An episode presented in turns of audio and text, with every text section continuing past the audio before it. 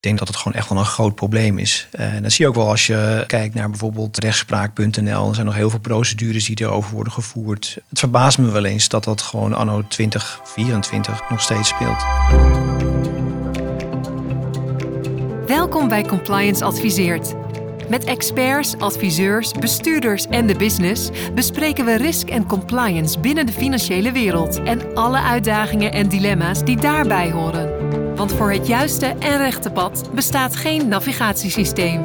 Deze podcast wordt mede mogelijk gemaakt door Deloitte, de Volksbank, Hiargis en Osborne Clark. Je host is Jeroen Broekema.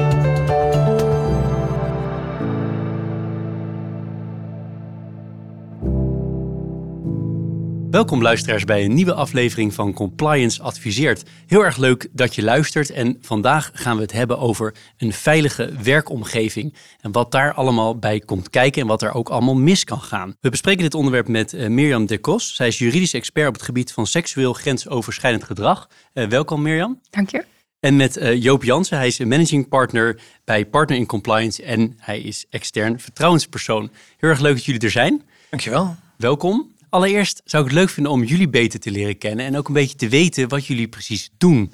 Uh, Mirjam, misschien eerst aan jou het, het, woord. Zou je jezelf willen introduceren? Ja, nou, ik ben advocaat in Haarlem. Een kantoor met vijf personen op de Nieuwe Gracht. Gespecialiseerd in het arbeidsrecht. Alleen daar kom ik nu even niet zo aan toe, want ik schrijf ook een juridische gids. En sinds een paar jaar ben ik eigenlijk vooral ook meer in organisaties aan het meekijken. Op het moment dat er een incident is of een melding speelt. En dan dus niet alleen maar um, het juridische, maar vooral ook um, uh, hoe zorg je dat de melding goed wordt opgevolgd. Um, en daarnaast doe ik veel onderzoek, klachtonderzoek. En ik heb lang vertrouwenspersonen getraind. Duidelijk, dus je zit eigenlijk heel veel. Dus je zit eigenlijk aan de kant, een beetje meer aan de preventieve kant. Maar ook op het moment, je wordt erbij gehaald op het moment dat het misgaat. Ja, zeker. Ja, want we hebben natuurlijk gezien vorig jaar in de media dat het heel erg mis kan gaan ondanks allerlei goede bedoelingen vaak. Uh, gewoon omdat het heel complex is om met zo'n melding heel zorgvuldig om te gaan. En dan kijk ik mee met de directie of, en of HR. Ik ben wel benieuwd, hè? want wat maakt voor jou dit onderwerp zo interessant?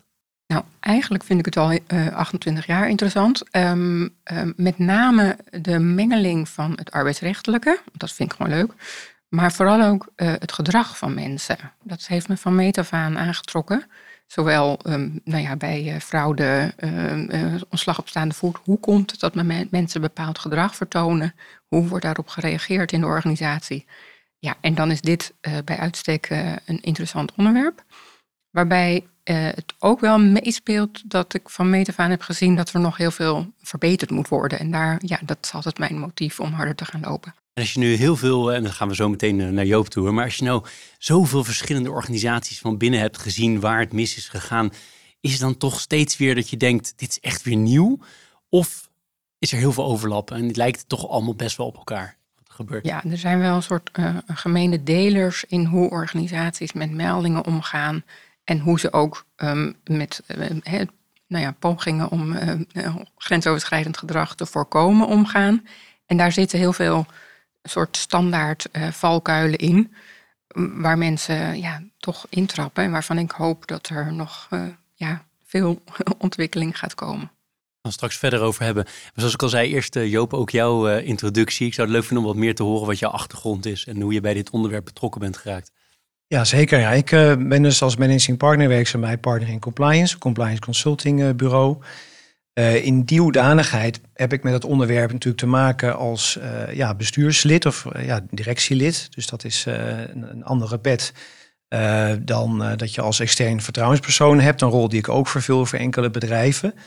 Um, en misschien wel leuk om aan te geven, en ik bedacht me dat net dat het misschien wel leuk is om dat te vermelden, dat ik voor 2020 als advocaat werkzaam ben geweest en een praktijk heb gehad waarbij ik de andere kant zag van dit onderwerp, waarbij je dus echt de geschillen hebt die, uh, die je in de praktijk ziet. En ook wat, uh, wat Mirjam aangeeft, je ziet gewoon dat er in de praktijk nog heel veel ruimte is voor, voor ontwikkeling. of het nou gaat om het oplossen van conflicten of ja, zelfreflectie in dat, in dat kader. En je zei even tussendoor dat je het ook bij bedrijven ben je dus actief als vertrouwenspersoon. Klopt. En hoe werkt dat dan? dan dat beleggen ze blijkbaar extern. Hè? Of moet dat extern of mag het ook iemand binnen de organisatie zijn? Uh, dat mag ook intern zijn. Vaak zie je dat het intern gebeurt uh, vanuit een bestaande rol. Dus iemand met een functie die dat erbij doet. Um, maar dat is niet altijd even praktisch uh, als je dat wil doen. Ook omdat het bijvoorbeeld om een collega kan gaan. Reeds om die reden al kan dat lastig zijn. en als externe vertrouwenspersoon ben je eigenlijk een verlengstuk van de organisatie. En het is ook voor ja, een melder of iemand die een klacht heeft, fijn dat je buiten de organisatie uh, daar uh, met je ja, klachten terecht kan. Dus ja, dat is eigenlijk een, een, dienst die je aanbiedt. En het leuke is dat je verschillende organisaties ziet in die, in die hoedanigheid. en ook verschillende nou ja, verhalen hoort. en ook advies kan geven over nou ja, dingen die je hebt geconstateerd en die beter kunnen. En voor jou ook een beetje de vergelijkbare vraag die ik net aan Mirjam stelde.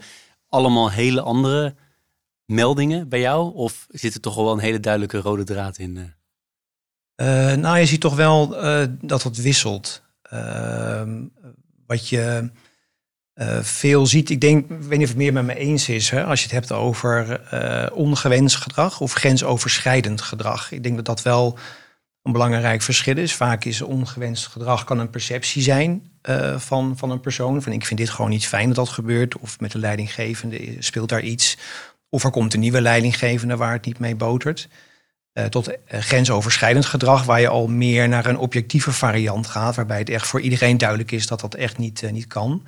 En is ongewenst gedrag dan echt een heel ander iets? Of is het de voorloper van grensoverschrijdend gedrag? Ja, misschien is het wel de voorloper van. Ik, ik denk dat dat, uh, het is natuurlijk, het zijn schuivende panelen, het is een grijs gebied. En ik ben met name in de financiële sector dan, dan werkzaam. En daar zie je bijvoorbeeld ook dat werkdruk een, rol speelt. Dus iets wat, uh, waardoor ook uh, vaak ongewenste situaties kunnen, kunnen ontstaan.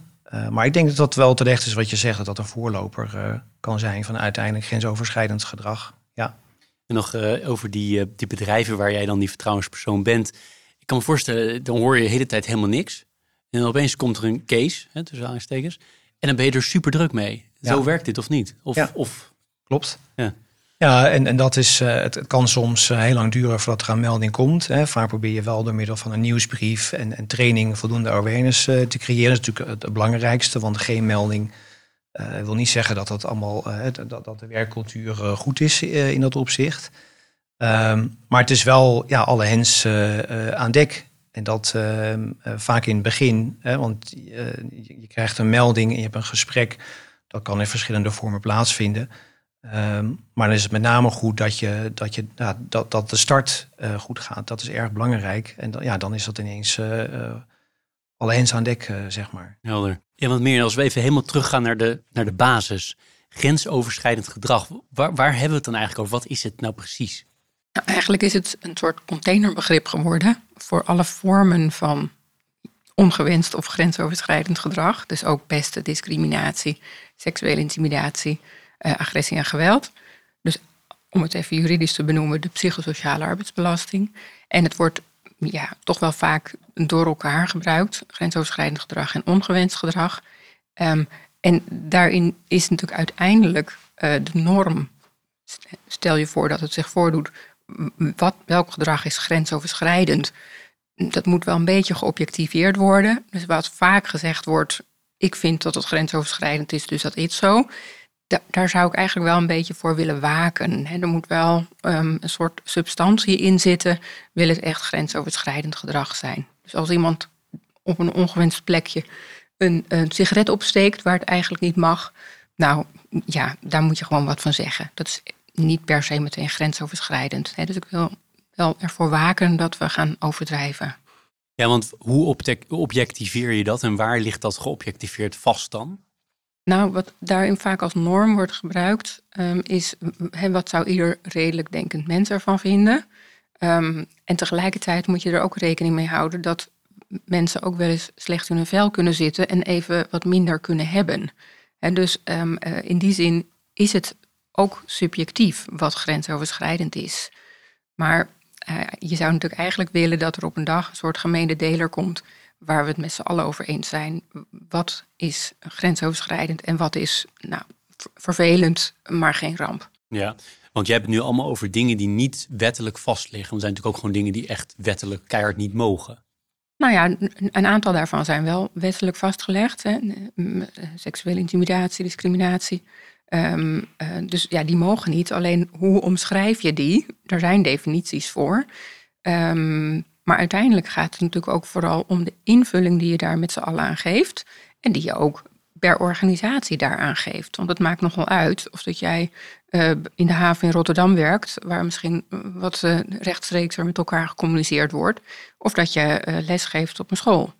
En dus die normen, die, die moet je ook als organisatie zelf invullen, wat je wel en niet accepteert. En tegelijkertijd is de grens uiteindelijk weer, wat zou ieder redelijk denkend mens van een opmerking vinden, ook gezien die context. Zijn die normen nou heel erg veranderd in de loop der jaren? Want je zegt, ik ben er 28 jaar, zei je geloof ik, ja. mee bezig. Zijn ze nou heel erg opgeschoven een bepaalde kant op? Want je, ik denk dan terug aan dat, je, dat mensen grappenderwijs praten over dat uh, Lubbers, de oud-premier bij de Verenigde Naties in New York, in de billen van vrouwen kneep. Uh, terwijl daar, de meeste mensen deden daar grappend over. Terwijl op dit moment zou dat, uh, zou dat heel anders geïnterpreteerd worden. Even als voorbeeld.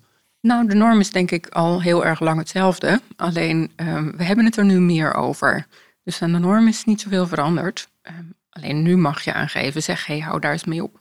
Of ehm, dat vind ik niet zo prettig. En waar is, dat, waar is dat moment geweest dat het veranderd is? Dat het, je het wel gewoon openlijk kunt aangeven zonder dat je er in de meeste gevallen mee in de problemen komt? Nou, ik denk eigenlijk pas na The Voice. Het is natuurlijk na MeToo in 2017 ook al meer en beter bespreekbaar geworden. Maar dat is ook wel weer toen een beetje weggeëpt. En pas, nou ja, vorig jaar, uh, januari, februari, hebben we ook gezien uh, dat organisaties zich er niet altijd raad mee weten. En iets te makkelijk roepen, ja, maar ik ben toch heel aanspreekbaar, want ik heb een spijkerbroek aan en daar hebben we toch loketten voor. En, en daardoor is er denk ik meer um, nou ja. Als je zegt in Nederland is de voice echt het cruciale, de cruciale casus, om het even zakelijk te zeggen. Ja, ik denk het wel, want de verantwoordelijkheid ligt nu niet meer alleen bij nou ja, mensen die last hebben van gedrag, maar ook bij de organisaties. En dus er wordt meer mee gedaan, heb ik de indruk. Ja. Want Joop, wat is er juridisch eigenlijk allemaal op dit gebied? Ja, eigenlijk best veel. Als je kijkt naar uh, psychosociale arbeidsbelasting bijvoorbeeld, uh, arbowetgeving, uh, maar ook het burgerlijk wetboek en ook wat Mirjam aangaf over pestgedrag, discriminatie, maar bijvoorbeeld ook sinds vorig jaar is veel nieuws geweest, wet bescherming klokkenluiders. nou is dat wel, heeft een iets andere rijkwijde, omdat wet bescherming klokkenluiders natuurlijk ziet op misstanden. Hè, dus dat is waarbij je bij ongewenste omgangsvormen Um, soms in een scenario zit waarbij het om één persoon gaat. Dat is dan niet per se een misstand, tenzij het natuurlijk uh, op grotere schaal uh, plaatsvindt. Um, maar als je het hebt over die klokkenluisregeling, hè, dan is het van belang dat je een interne uh, regeling hebt, een registratie van, van het melden van, van misstanden. maar ook gewoon ja, je zorgplicht als, als werkgever. En dat kan best zo zijn dat jij als werkgever ziet dat het niet botert tussen twee mensen op de werkvloer. Uh, dat mag je niet laten uh, escaleren. Hè? Dus, dus je moet eigenlijk tijdig ingrijpen. Um, toevallig uh, heb ik een kaas aan de hand gehad waarbij een, een medewerker werd ontslagen op staande voet. Omdat hij dus leidinggevende had, had geslagen, had hem een tik op zijn neus gegeven. Dat is ja, nooit goed. En dan dan, dan is er ook wel de exit uh, daar, om zo te zeggen. Maar het verhaal was wel zo dat die werkgever uh, al langer signalen had dat het niet lekker liep op de werkvloer met die manager. Dat er meerdere mensen zijn weggegaan, ook daardoor. En er is gewoon niets aan gedaan. Geen gesprek of een verbeterd traject of iets dergelijks. Uh, ja, en, dat, is dan, dat leidt dan tot geweld op de werkvloer, wat natuurlijk gewoon niet mag. En daar heeft de werkgever dan in dit geval echt wel heel veel laten liggen. Uh, en alleen maar verliezers. Want de werknemer die, uh, waar het om gaat, die is uit dienst gegaan. En er is ook aangifte gedaan. Er is ook een zaak geworden dat voorkomt. Uh, en dat, ja, dat, dat is, ik denk dat je daar als werkgever wel heel bewust van moet zijn. Dat je dat het alle tijden moet voorkomen. In ieder geval te proberen een, een veilige werkomgeving voor iedereen te creëren. En vooral signalen op te pakken. En daar ja. ook mee te doen. Ja. ja, want het is toch een beetje om de discussie wat, wat aan te wakkeren. Maar ik, ik vond het wel interessant wat Mirjam zei van hè, de normen zijn voor iedereen wel duidelijk. Maar is dat echt zo? Is het dan voor iedereen wel zo duidelijk? Kijken niet de mensen heel verschillend naar hetzelfde incident? Nou ja, kennelijk. Um, terwijl je natuurlijk eigenlijk uh, graag zou willen dat je allemaal je afvraagt, een bepaald gedrag is toch duidelijk. dat dat niet door de beugel kan. Hè? En, en let ook op uh, context. Je kan misschien best een grapje maken tegen een gelijke, een collega. Maar kun je ook datzelfde grapje maken tegen een stagiaire van 23 die eigenlijk graag uh, een dienstverband wil. Of iemand die uh, in dienst is, maar voor, voor een bepaalde tijd. Kan je daar hetzelfde grapje tegen maken. En dus je zou eigenlijk willen dat het bewustzijn toeneemt. En daar wordt natuurlijk ook ja, hard aan gewerkt, ook door Mariette Hamer. Eh, en door alle discussies en dialogen. Maar um, op dit moment is er nog best wat discussie of gesprek. Ja. Want op het moment dat jij erbij gehaald wordt, om even zo te zeggen, dan is er echt wat aan de hand, denk ik. Hè? Ja, vaak wel. Dan is er een melding waarvan men denkt, oei, dit is uh, heel groot um, of, of, of, heeft heel veel impact. Bijvoorbeeld omdat de persoon in kwestie belangrijk is. Um, en dan, uh, ja, als men denkt dat kunnen we niet zelf doen, of dat kunnen we beter niet zelf doen, dan kom ik in beeld. Ja. En kunnen we het niet doen? Wat moet je dan precies doen? Waarvoor halen ze jou er dan echt bij? Um, ik denk voor een goede afweging van alle belangen. Waarbij natuurlijk toch heel vaak uh, in het verleden uh, het organisatiebelang voorop is gesteld. Namelijk hoe krijgen we dit uh, snel weggepoetst of in de doofpot. Terwijl uiteindelijk, als je het, belang van de, de betrokkenen zelf eigenlijk voorop stelt, en dan melder en, en verweerder, man-vrouw kan allebei, um, dat je daardoor ziet dat door daar uh, belang aan te hechten, het organisatiebelang vanzelf meerolt. Want we hebben natuurlijk gezien wat een schade het toebrengt op het moment dat je dingen in de doofpot stopt. Dit is Compliance Adviseert. Over het probleem hè, in zijn algemeenheid. Hoe groot is dit probleem? Grensoverschrijdend gedrag. Hè? Dus laten we even de, de, het ongewenste gedrag daar maar echt grensoverschrijdend, waarvan eigenlijk bijna iedereen het wel over eens is dat het echt niet kan. Hoe groot is dat in Nederland? Is daar, een, is daar onderzoek naar? Hebben jullie daar een beeld bij? Ik denk dat uh, je ja, als uitgangspunt zou kunnen nemen de jaarlijkse uh, enquête uh, van TNO, NEA. Alleen het punt is dat dat een, een, een enquête is die gebaseerd is op twee vragen eigenlijk. Of nou ja, in totaal ongewenst gedrag misschien zes of acht. Maar die vraagt alleen maar, uh, bent u gepest? A, door uw leidinggevende, B, door een collega. Uh, en die vraagt dan ook voor seksuele intimidatie en discriminatie. Maar dan moeten mensen dus zelf bedenken of bepaald gedrag pesten of discriminatie of seksuele intimidatie is. En dat geeft niet een goed beeld van wat er daadwerkelijk speelt. Dus je zou eigenlijk graag willen dat er een onderzoek komt gebaseerd op gedragingen die worden voorgehouden. En dan blijkt uit Europees onderzoek, uit nou ja, al 2014 al, dat er uh, hele andere cijfers uitkomen, omdat mensen zich realiseren dat, dat die omschrijving van dat gedrag wel is voorgekomen, terwijl zij nog dachten dat het geen pest of discriminatie was. Ja, een voorbeeld van? Uh, nou, in, in die enquête uit 2014 zijn gewoon letterlijk uh, gedragingen voorgehouden en dan niet schriftelijk, maar ook in een gesprek. Hè? Dus gestandaardiseerde vragenlijst.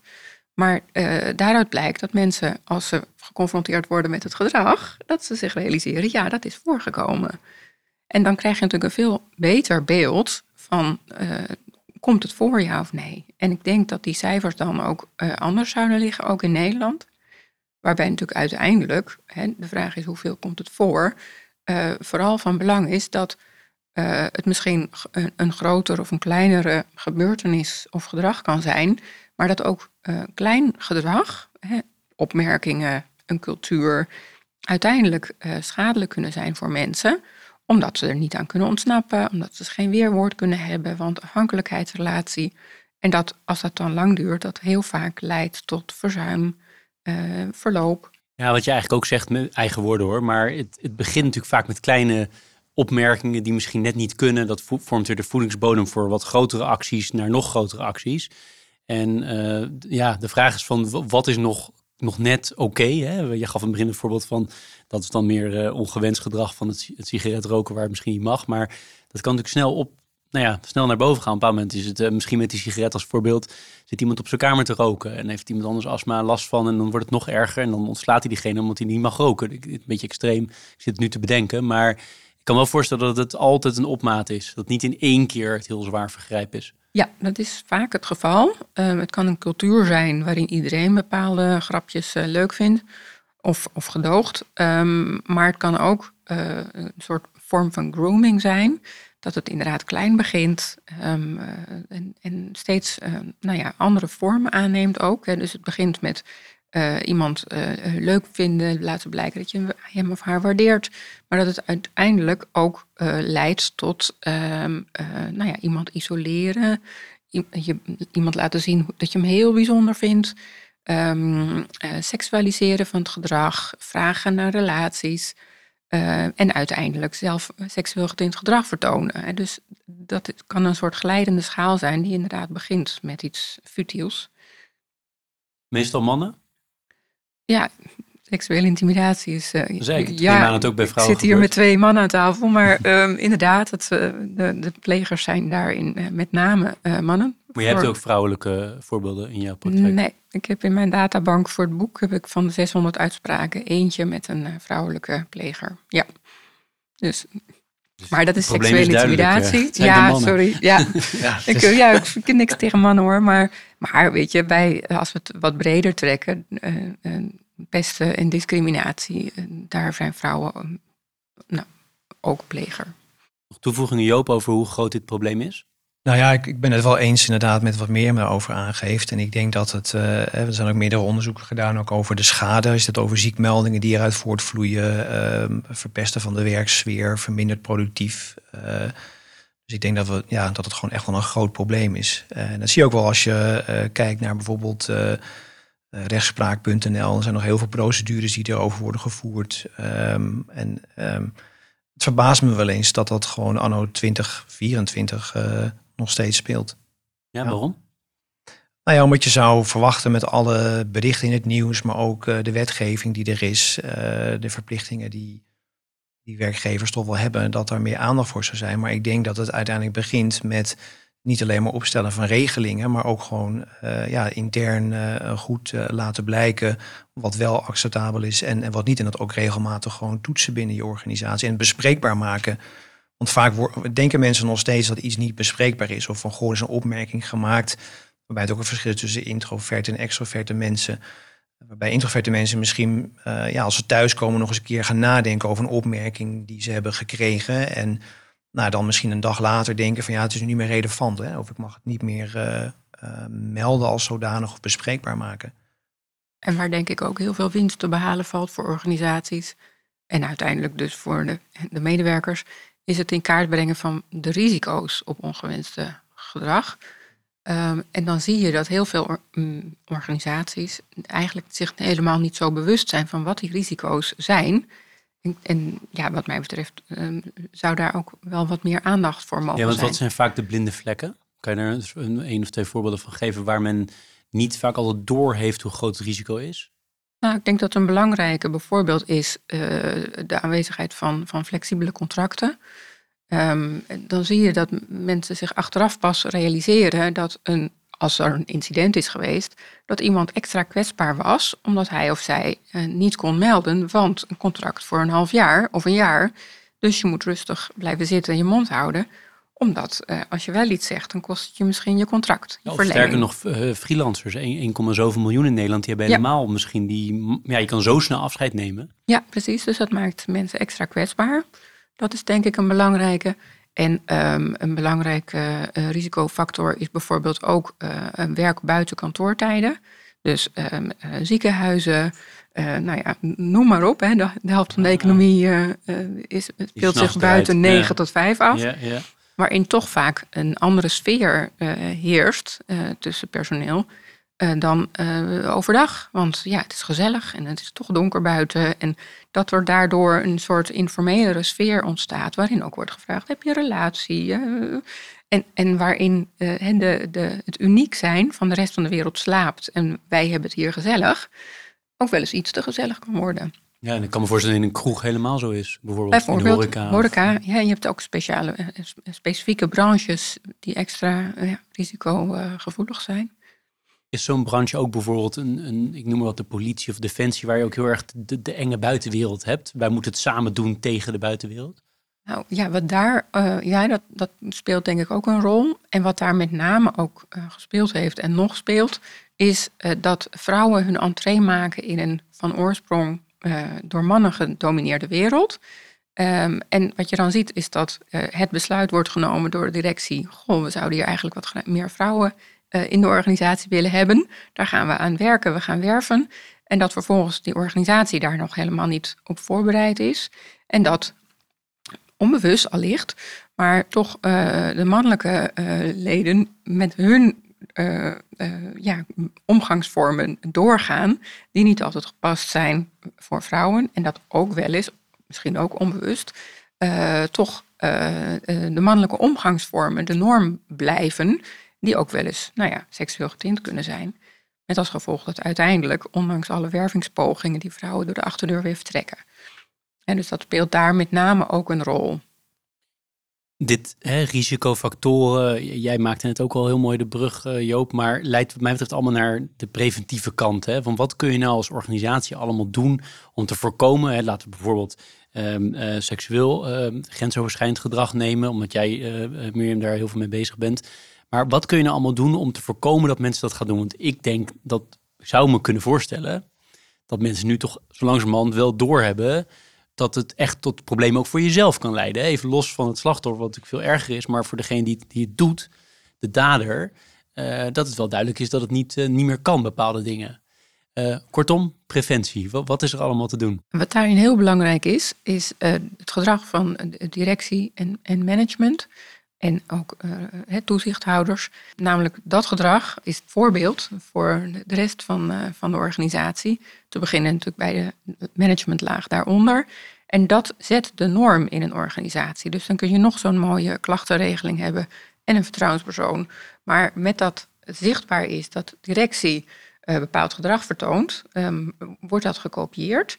En dat gaat dan enerzijds over gedrag vertonen, maar ook gedrag nalaten. Namelijk als blijkt dat er niet wordt ingegrepen, dan zet dat natuurlijk ook de toon. Dan hè, blijkt ook van ja, kennelijk hebben we hier regels, maar er wordt niet ingegrepen. Dus dat zet ook de, en de norm en het vormt de, de cultuur. Dus ik denk dat dat uh, een hele belangrijke factor is in, het, uh, nou ja, in, in, in de voedingsbodem voor, uh, voor de cultuur in de organisatie. Dus dat is een hele belangrijke, wat die, wat die top aan voorbeeldgedrag laat zien. Wat zijn nog meer elementen om preventief te werk te gaan om te voorkomen dat het überhaupt een issue wordt en dat jullie ingeroepen worden? Nou, ik denk dat naast wat uh, Mirjam aangaf, ook uh, training uh, en, en bewustwording. Hè, dus naast dat je dus de risico-indicatoren helder hebt, op basis daarvan en passend bij je organisatie, dat in een, in een training omzet. waarbij je niet bang moet zijn om dingen bespreekbaar te maken. Juist ook om in die voorfase te voorkomen dat dingen uh, nou ja, opgepot worden en uh, escaleren. Ik denk dat dat heel belangrijk is. Ja, en het gaat dan deels over training, wat mij betreft, voor uh, leidinggevenden in het herkennen van het gedrag en het ook zichzelf afvragen. Goh, um, hè, dat heb ik zelf altijd anders gezien, maar nu je het zegt, goed dat ik het nu wel herken. Uh, maar dat ziet ook op manier van communiceren met elkaar. En dus is het veilig om uh, kritiek te geven of feedback? En hoe wordt daar dan mee omgegaan? Hoe kan ik zelf die feedback geven? En um, hoe mag die ander reageren daarop?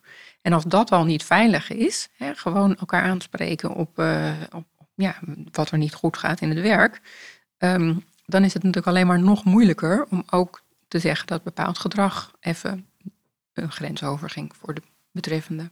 Ja, helder. En dan, als het dan toch, hè, dus de preventieve kant, we hebben het ook over risicofactoren gehad. Hè, die kun je ook natuurlijk nog, nog in kaart brengen. Ook wat jij ook zei, bepaalde sectoren. En je zal wel meer van dat soort eh, elementen hebben waar je, wanneer je ja, meer gevoelig ervoor bent als organisatie. En als het dan toch misgaat, hè, wat zijn dan alle mogelijke schades voor bedrijven? Hè? Want dit, veel van de luisteraars van Compliance Adviseert zitten ook in de financiële sector. Hè? Um, wat kan jij, stel je werkt bij een grote bank en je hebt zo'n, zo'n, er gebeurt echt duidelijk, evident voor iedereen grensoverschrijdend gedrag. Um, uh, wat zijn alle consequenties voor de betrokkenen, maar ook voor de organisatie? Ja, ik, ik, ik denk dat dat uh, heel divers kan zijn, maar uh, je hebt tegenwoordig steeds meer online platformen waarop medewerkers anoniem een ongenoegen kunnen uiten. Ik noem Glansdoor bijvoorbeeld. Ja, je hebt kans dat, dat mensen daar, als ze zich niet gehoord voelen of als er niets mee wordt gedaan, ehm, ja, dat naar buiten brengen. En dat je uh, imagoschade oploopt daar, daardoor. ik denk dat dat een belangrijk aspect is. En naast natuurlijk productiviteit, maar ook vaak dat als dingen niet worden opgelost, dat dat voor de rest ook grote invloed heeft op de werksfeer. Want dat gaat vaak toch wel verder. Je krijgt ook groepjes die vaak toch met elkaar, ja, of, een soort van samen gaan scholen. Ehm, eh, zeker als je dat niet goed oppakt. Als dat ja, door edit, om zo maar te zeggen, dan, uh, dan gaan mensen daar een eigen uh, oordeel over vellen. En dat, ja, dat, dat leidt dan tot grotere conflicten, denk ik. rechtszaken? Nou ja, uiteindelijk zie je dus dat als het dermate escaleert, dat mensen zich of ziek melden of um, ja, dat je in moet grijpen, mensen non-actief moet stellen. Ja, en dan krijg je een, een waarbij uh, advocaten komen kijken. Um, en ook ja, de belangen groot zijn en je uiteindelijk uh, in, in de rechtszaal kan, uh, kan belanden, waar je eigenlijk alleen maar verliezers hebt. Waarbij ik denk dat inderdaad die indirecte kosten, hè, dus niet alleen de, jurist, maar um, vooral ook het verloop, een slechtere cultuur. Mensen die denken, nou, dat had mij ook kunnen gebeuren, ik blijf nog even, maar ik ga maar vast eens rondkijken en vertrekken, dat dat de hoogste kostenpost is. Dat denk ik ook, los van de, de niet-materiële, immateriële schade. Je ziet natuurlijk op heel veel gebieden, als je eenmaal het imago hebt als werkgever McKinsey, die nu door allerlei schandalen heen gaat, uh, wat dat, ja, dat is heel moeilijk meetbaar te maken. Maar als je daardoor minder talent aanneemt bijvoorbeeld, of minder opdrachten krijgt, is het gigantisch. Je luistert naar Compliance Adviseert. En dan ben ik ook nog uh, nieuwsgierig aan jullie te vragen als het gaat om het woord toestemming. Hè? Dat hoor je zeker in Amerika. Consent hè, is altijd het woord van dan, dan mag opeens wel alles. Hè? Of dan, uh, hoe, hoe, werkt dat precies? Want als ik uh, bepaalde opmerkingen maak uh, richting jou, Mirjam, en jij laat heel duidelijk merken dat je dat helemaal prima vindt, sterker nog, je vindt dat fijn, of weet ik veel, ik noem maar wat. Dan blij, en ik ben jouw manager, dan blijft nog steeds een afhankelijke relatie. Dan, dan kan het nog steeds niet, neem ik aan. Of zijn er ook punten waarbij je kan zeggen, nou, als dat duidelijk hier de cultuur is en iedereen is het er mee eens, dan kan het. Dat is een hele lastige. Ik denk dat um, het nu nog zo is dat heel veel mensen um, uh, bepaald gedrag hebben toegelaten, omdat het te ingewikkeld was om uh, nee te zeggen en om te laten blijken dat ze er niet van gediend zijn. Um, dus uh, de, de, toestemming die weer werd aangenomen, die ontbreekt in de praktijk nog wel eens, omdat iemand ja, maar meedoet of one of the guys is. En dan is er dus eigenlijk niet echt toestemming. En ik denk ook dat het niet gaat om uh, één op één toestemming. Het gaat erom dat je met elkaar een norm uh, vindt in hoe je met elkaar wil omgaan. Ja, ja klopt. En, en ook uh, treffend wat wordt genoemd over toestemming. Hè? Want als je kijkt naar de andere factoren zoals vrijwilligheid, leeftijd of ontwikkeling, gelijkwaardigheid, context, zelfrespect dan, het is eigenlijk gewoon een, schaal waarbij je, denk ik ook als leidinggevende bijvoorbeeld, moet afwegen van, ja, zoals als ik toestemming heb, is, is die vrijelijk gegeven? Zijn er misschien toch wel verwachtingen? Of durft iemand uh, uh, geen, uh, geen nee te zeggen? Ik denk dat dat een, een, een, veel complexer plaatje is waar je naar moet kijken. en louter de vraag, ja, is er toestemming ja of nee? Dat is eigenlijk iets te simpel. Ja. En ook nog wel enger misschien, omdat ja, als het lijkt dat er toestemming is, dan is dat ook weer een basis voor wat daarna dan weer. Ja, het kan ook een copingstrategie zijn hè, van iemand die uh, uh, denkt, nou, ik doe maar mee en uh, ik stuur zelfs een smiley terug. Want ja, je moet wat met bepaald gedrag. Um, dus ehm, die, die toestemming, die, is, eh, ehm, nou ja, die moet niet te letterlijk genomen worden. En zeker bezien worden in de context. Deze podcast heet uh, Compliance Adviseert, uh, zoals jullie weten. Uh, als compliance officer, wat, wat, wat zou hij of zij op moeten focussen? En wat, wat, voor tips hebben jullie voor die compliance officer op dit onderwerp? Goeie vraag. Ja, je bedrijf heet ook nog partner in compliance, dus jij moet deze vraag wel beantwoorden. Ja, nee, ik, ik denk dat uh, als je als compliance uh, officer is belangrijk om uiteraard te voldoen aan, aan het wettelijk kader. Hè, dat, meestal is dat wel gewoon helder uh, voor, voor de bril, maar vooral ook te kijken naar je werkcultuur. Hè, organisaties kunnen verschillende culturen hebben. Hè. Je hebt bijvoorbeeld familiecultuur, waar het heel laagdrempelig is en mensen open zijn. Dat kan voordelen hebben, maar ook zeker nadelen. Ik denk dat je daar als compliance officer goed naar moet kijken. Um, ja, evenals um, zeg maar de uh, sfeer, de, de werksfeer, de cultuur binnen, binnen de organisatie zelf. Um, en ook is, ehm, ja, afhankelijk of er natuurlijk een vertrouwenspersoon is aangesteld natuurlijk. Hè, daar komt als goed is jaarlijks ook, of vaker als het nodig is, een rapportage van. Uh, dat je daar naar kijkt van, goh, wordt daar door directie opvolging aangegeven? Vaak zijn er tips, direct of indirect, um, om dat uh, bespreekbaar te maken. En misschien ook gewoon eens te kijken naar een, een, training binnen de organisatie. Gewoon om, het is iets wat mij betreft, eh, wat, wat jaarlijks of periodiek terug zou moeten komen. Dat je daar gewoon naar moet kijken. Um, om, uh, om te voorkomen dat er dingen gaan broeien binnen de organisatie. Ook afhankelijk van de grootte van de organisatie, maar dat zal uh, spreekt voor zich. Een tips Mirjam vanuit jouw kant voor compliance officers? Ja, ik denk dat het wel um, de lading aardig dekt, ja. Een tip sowieso voor C-level binnen een organisatie. Kijk, we hebben het natuurlijk niet over het MKB nu geha specifiek gehad. Ik kan voorstellen dat daar weer in wat jij zegt, hè, familiebedrijf helemaal een andere uh, sfeer vaak is. Uh, ten positieve, ten, ten negatieve beide. Maar voor de, de meer corporate organisatie, zeker in de financiële sector, de tips voor dat C-level, is het met andere woorden misschien ook wel, is dat C-level goed op de hoogte? Uh, of ik daar tips voor heb? Ja. ook misschien de, de vraag daar vooraf is misschien wel hoe op boord, op, op raad van bestuurniveau, hoe erg leeft dit onderwerp? Nou, gelukkig leeft het steeds beter, want um, um, ja, daar ligt, en zoals ik al even noemde, een hele belangrijke rol. Um, en ik denk dat er daar vooral ook veel winst behaald kan worden door met z'n allen naar een, training te gaan. Dus niet alleen je management op, training sturen en het bij HR beleggen. Ja, stel jij maar even een regeling op. Maar gewoon zelf de verantwoordelijkheid uh, voelen om uh, de drager te zijn en, en creëerder van de, de cultuur. Ja. Dat is denk ik uh, het primaire. En vooral zorgen dat je de deskundigheid in huis haalt. Want uh, HR heeft het vaak al heel erg druk en vooral ook een heel breed takenpakket. Alle kanten uit schiet. En daar is gewoon niet altijd alle kennis in huis om een goede regeling op te stellen, bijvoorbeeld. Of om op zoek te gaan naar de juiste vertrouwenspersonen.